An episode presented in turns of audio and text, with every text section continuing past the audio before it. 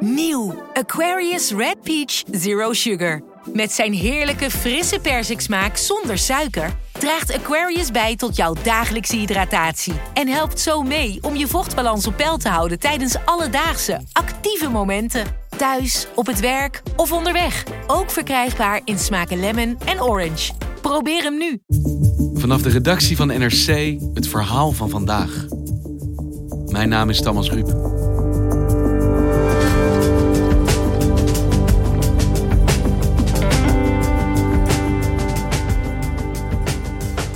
...84 centimeter. Zoveel stijgt de zeespiegel deze eeuw als we niets verder ondernemen. Dat is meer en vooral sneller dan tot nu toe gedacht. Dan hebben we het nog niet eens gehad over de stormen die in aantallen sterk zullen toenemen. Kan Nederland, land van polders en dijken, dat wel hebben?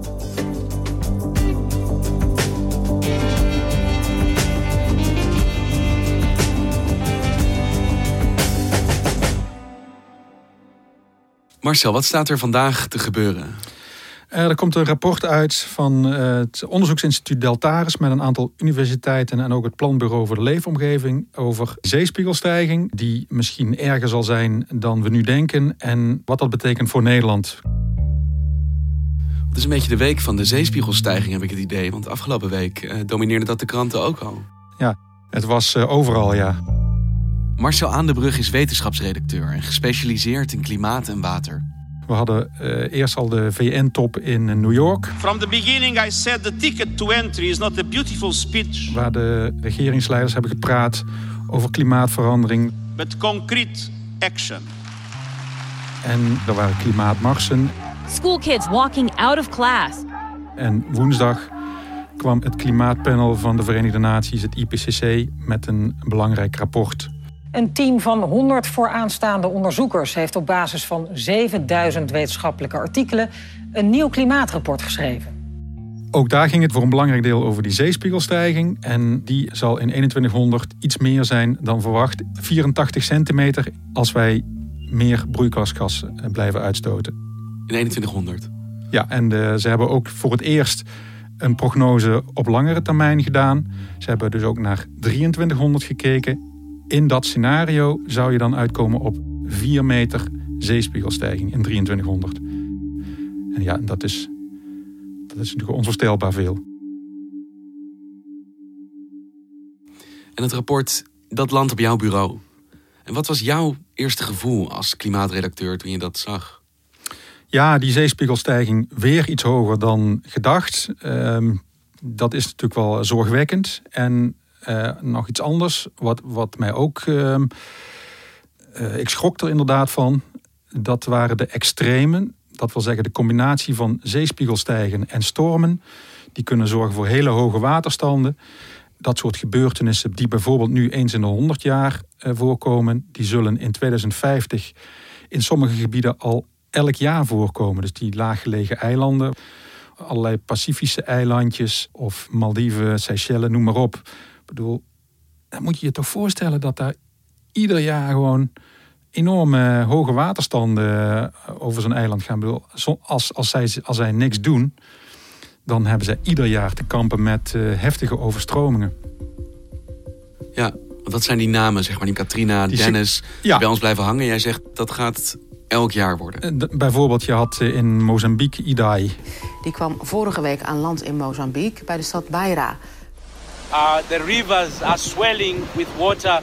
Miljoenen mensen die ontheemd raken. This is, these are the effects of the cyclone uh, uh, Ida. Ja, het is onvoorstelbaar. Het Rode Kruis schat dat 90% van de belangrijke havenstad Beira is beschadigd of verwoest. En dat is dan voor de 2050 is voor de laaggelegen eilanden en je hebt voor de laaggelegen kustgebieden, zoals Nederland, later in de eeuw ook dat soort uh, verwachtingen. Dat soort stormen hier ook. Ja, ik bedoel dat je ieder jaar zulke heftige stormen kunt verwachten. En ehm, nou ja, of het dan wel of niet tot overstromingen leidt, hangt af van wat je daar eh, eventueel tegen doet. Ja, die frequentie, die, die toename van frequentie in dat soort extremen, dat, dat is toch wel heftig. Want dit gaat natuurlijk ook over Nederland, een heel laag gelegen land. Kunnen wij dit aan? Zijn wij klaar voor dit soort stijgingen? Uh, nou, die stijgingen die zijn natuurlijk fors, maar we zijn er wel heel druk mee bezig. Uh, omdat wij al zoveel ervaring met het water hebben. Als de zee nu omhoog komt, wat gebeurt er dan in Nederland? Zeg maar, waar zijn we klaar voor? Op hoeveel zijn we nu voorbereid? Uh, de deltawerken waren ingericht op een stijging van 40 centimeter. Ik bedoel, we, zullen, we zullen de komende decennia door die zeespiegelstijging geen, geen ramp krijgen. Dat, dat verwacht niemand. Want wat onderneemt Nederland om dit probleem voor te zijn? Delta-programma 2015. Nou, de, de, van alles. We komen nu al in actie om iedereen in Nederland dezelfde bescherming te bieden. Uh, er wordt ieder jaar ruim een miljard uitgegeven aan, nou, denk aan dijkversterking. We verhogen, verbreden en verstevigen de dijken op cruciale plaatsen. Nederland heeft ongeveer 17.000 kilometer aan dijken. Die worden dus gewoon allemaal nagelopen. En op sommige plekken geven we onze rivieren de ruimte. Uh, er wordt gekeken naar de rivieren. In de Rijn-Maasdelta blijven we maatregelen nemen... zodat het veilig is bij hoogwater op de rivieren. Bijvoorbeeld uh, in Nijmegen, waar ik, uh, waar ik woon... daar hebben ze een hele nevengeul aangelegd. En in het IJsselmeer maken we het waterpeil flexibel. Vanuit de ramp in 1916 is besloten... Het, het peil van het IJsselmeer, dat houden we gelijk. Maar vorig jaar of twee jaar geleden hebben ze besloten... in de lente en zomer mag het peil fluctueren. Zo is er genoeg zoet water beschikbaar. Want als we een lange periode van droogte krijgen, zoals we bijvoorbeeld twee jaar geleden hadden, en er dreigen watertekorten, bijvoorbeeld voor de landbouw, dan heeft het IJsselmeer een, een soort extra reservoir. En kan te veel aan water naar zee worden weggepompt via de afsluitdijk? Um, ja, zo, zo gebeurt er dus echt heel veel. Een nieuw deltaplan voor de 21ste eeuw. En ja, misschien zeg je dat is een hele naïeve gedachte. Maar als je nou weet dat de zeespiegel 84 centimeter stijgt... kun je dan niet de dijken 84 centimeter verhogen? Ja, als het daarbij zou blijven, dan zou dat wellicht een goede oplossing zijn. Maar daar, daar blijft het niet bij. Um, de opwarming van de aarde ook al weten we die te stoppen op 2 graden of anderhalf, dat betekent dat de ijskappen nog blijven smelten. En de ijskappen die reageren bovendien ook heel traag op die opwarming. Dus die blijven nog eeuwenlang doorsmelten en eeuwenlang bijdragen aan de zeespiegelstijging. Dus je kunt wel uitgaan van 84 centimeter in 2100. Maar die zeespiegel blijft daarna ook nog omhoog gaan. Um, uh, en stel dat het plotseling toch erger is, 2 meter. Want wat in deze modelberekeningen niet zit, uh, zijn gebeurtenissen waar nu nog grote onzekerheid over is. Bijvoorbeeld op Antarctica, als daar toch de, het smelten van de ijskap toch weer sneller gaat. En daar zijn voorzichtige aanwijzingen voor dat dat misschien zou kunnen gaan gebeuren. Dan zal de zeespiegel nog sneller gaan. En dan zouden we dus bijvoorbeeld kunnen gaan denken aan 2 meter in 2100. En dat zijn extreme scenario's. En de vraag is of Nederland daar wel of niet rekening mee houdt. Ja, nu word ik toch wel een klein beetje zenuwachtig uh, van je, Marcel. Want weet je, 84 centimeter kan inzien, dat is een hele hoop. Maar ja. het is in ieder geval duidelijk, dan weten we waar we aan toe zijn. Maar eigenlijk zeg je, het kan nog heel veel kanten op. Ja.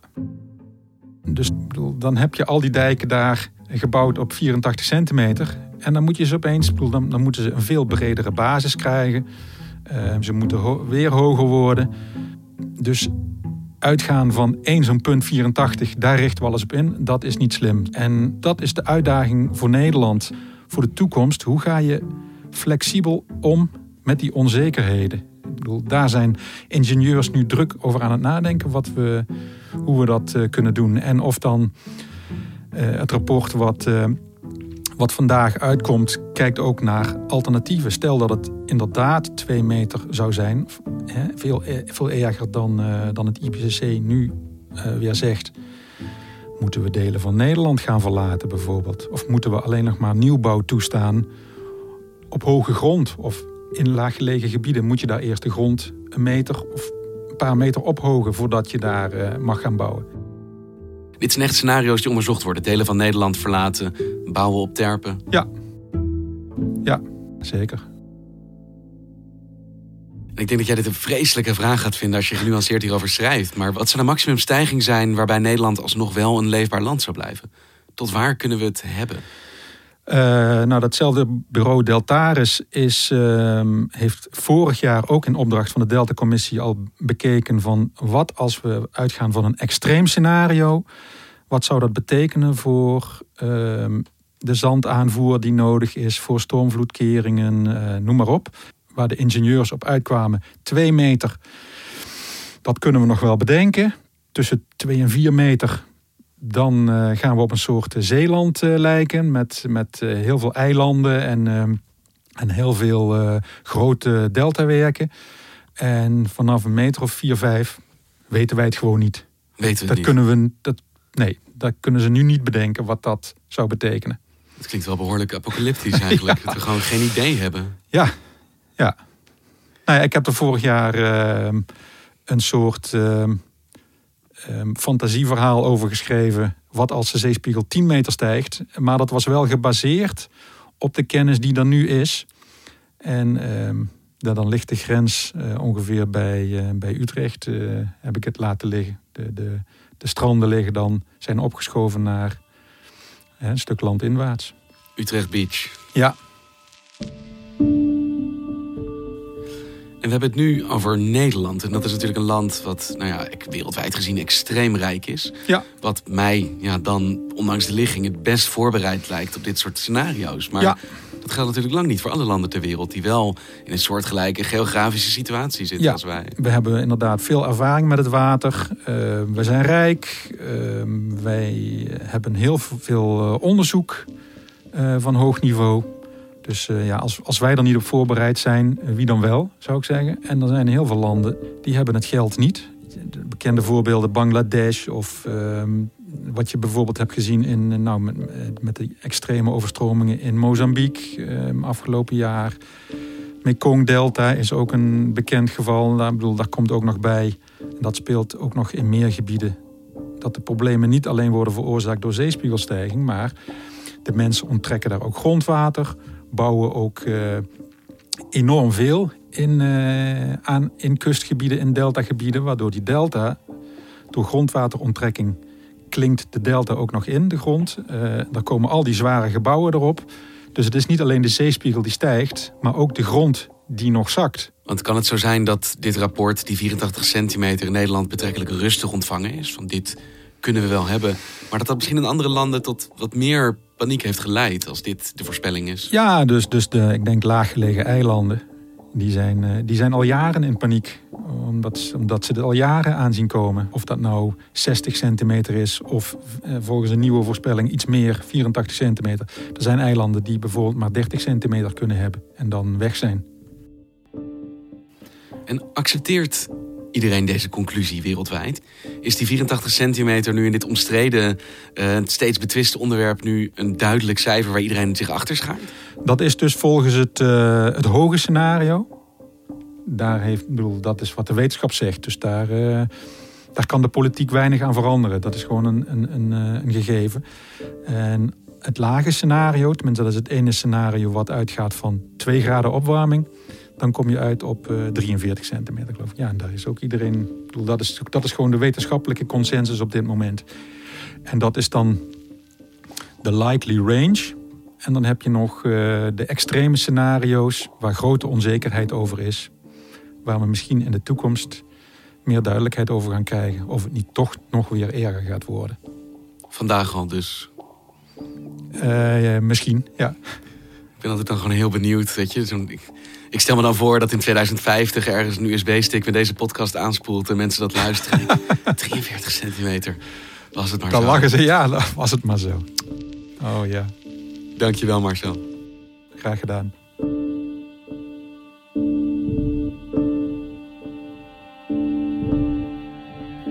Wil je meer weten over de wetenschap achter de zeespiegelstijging en onze toekomst? Onbehaarde apen, de wetenschapspodcast van NRC, maakte twee steengoede afleveringen met Marcel Aandebrug over dit thema. Je vindt Onbehaarde apen in je podcast-app.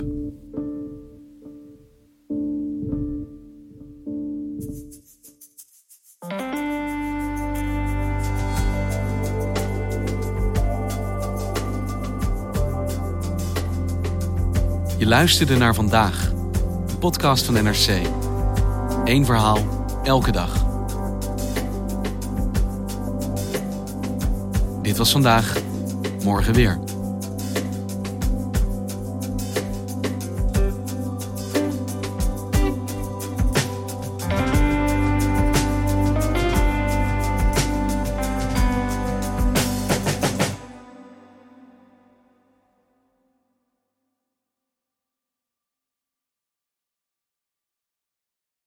De financiële markten zijn veranderd, maar de toekomst, die staat vast.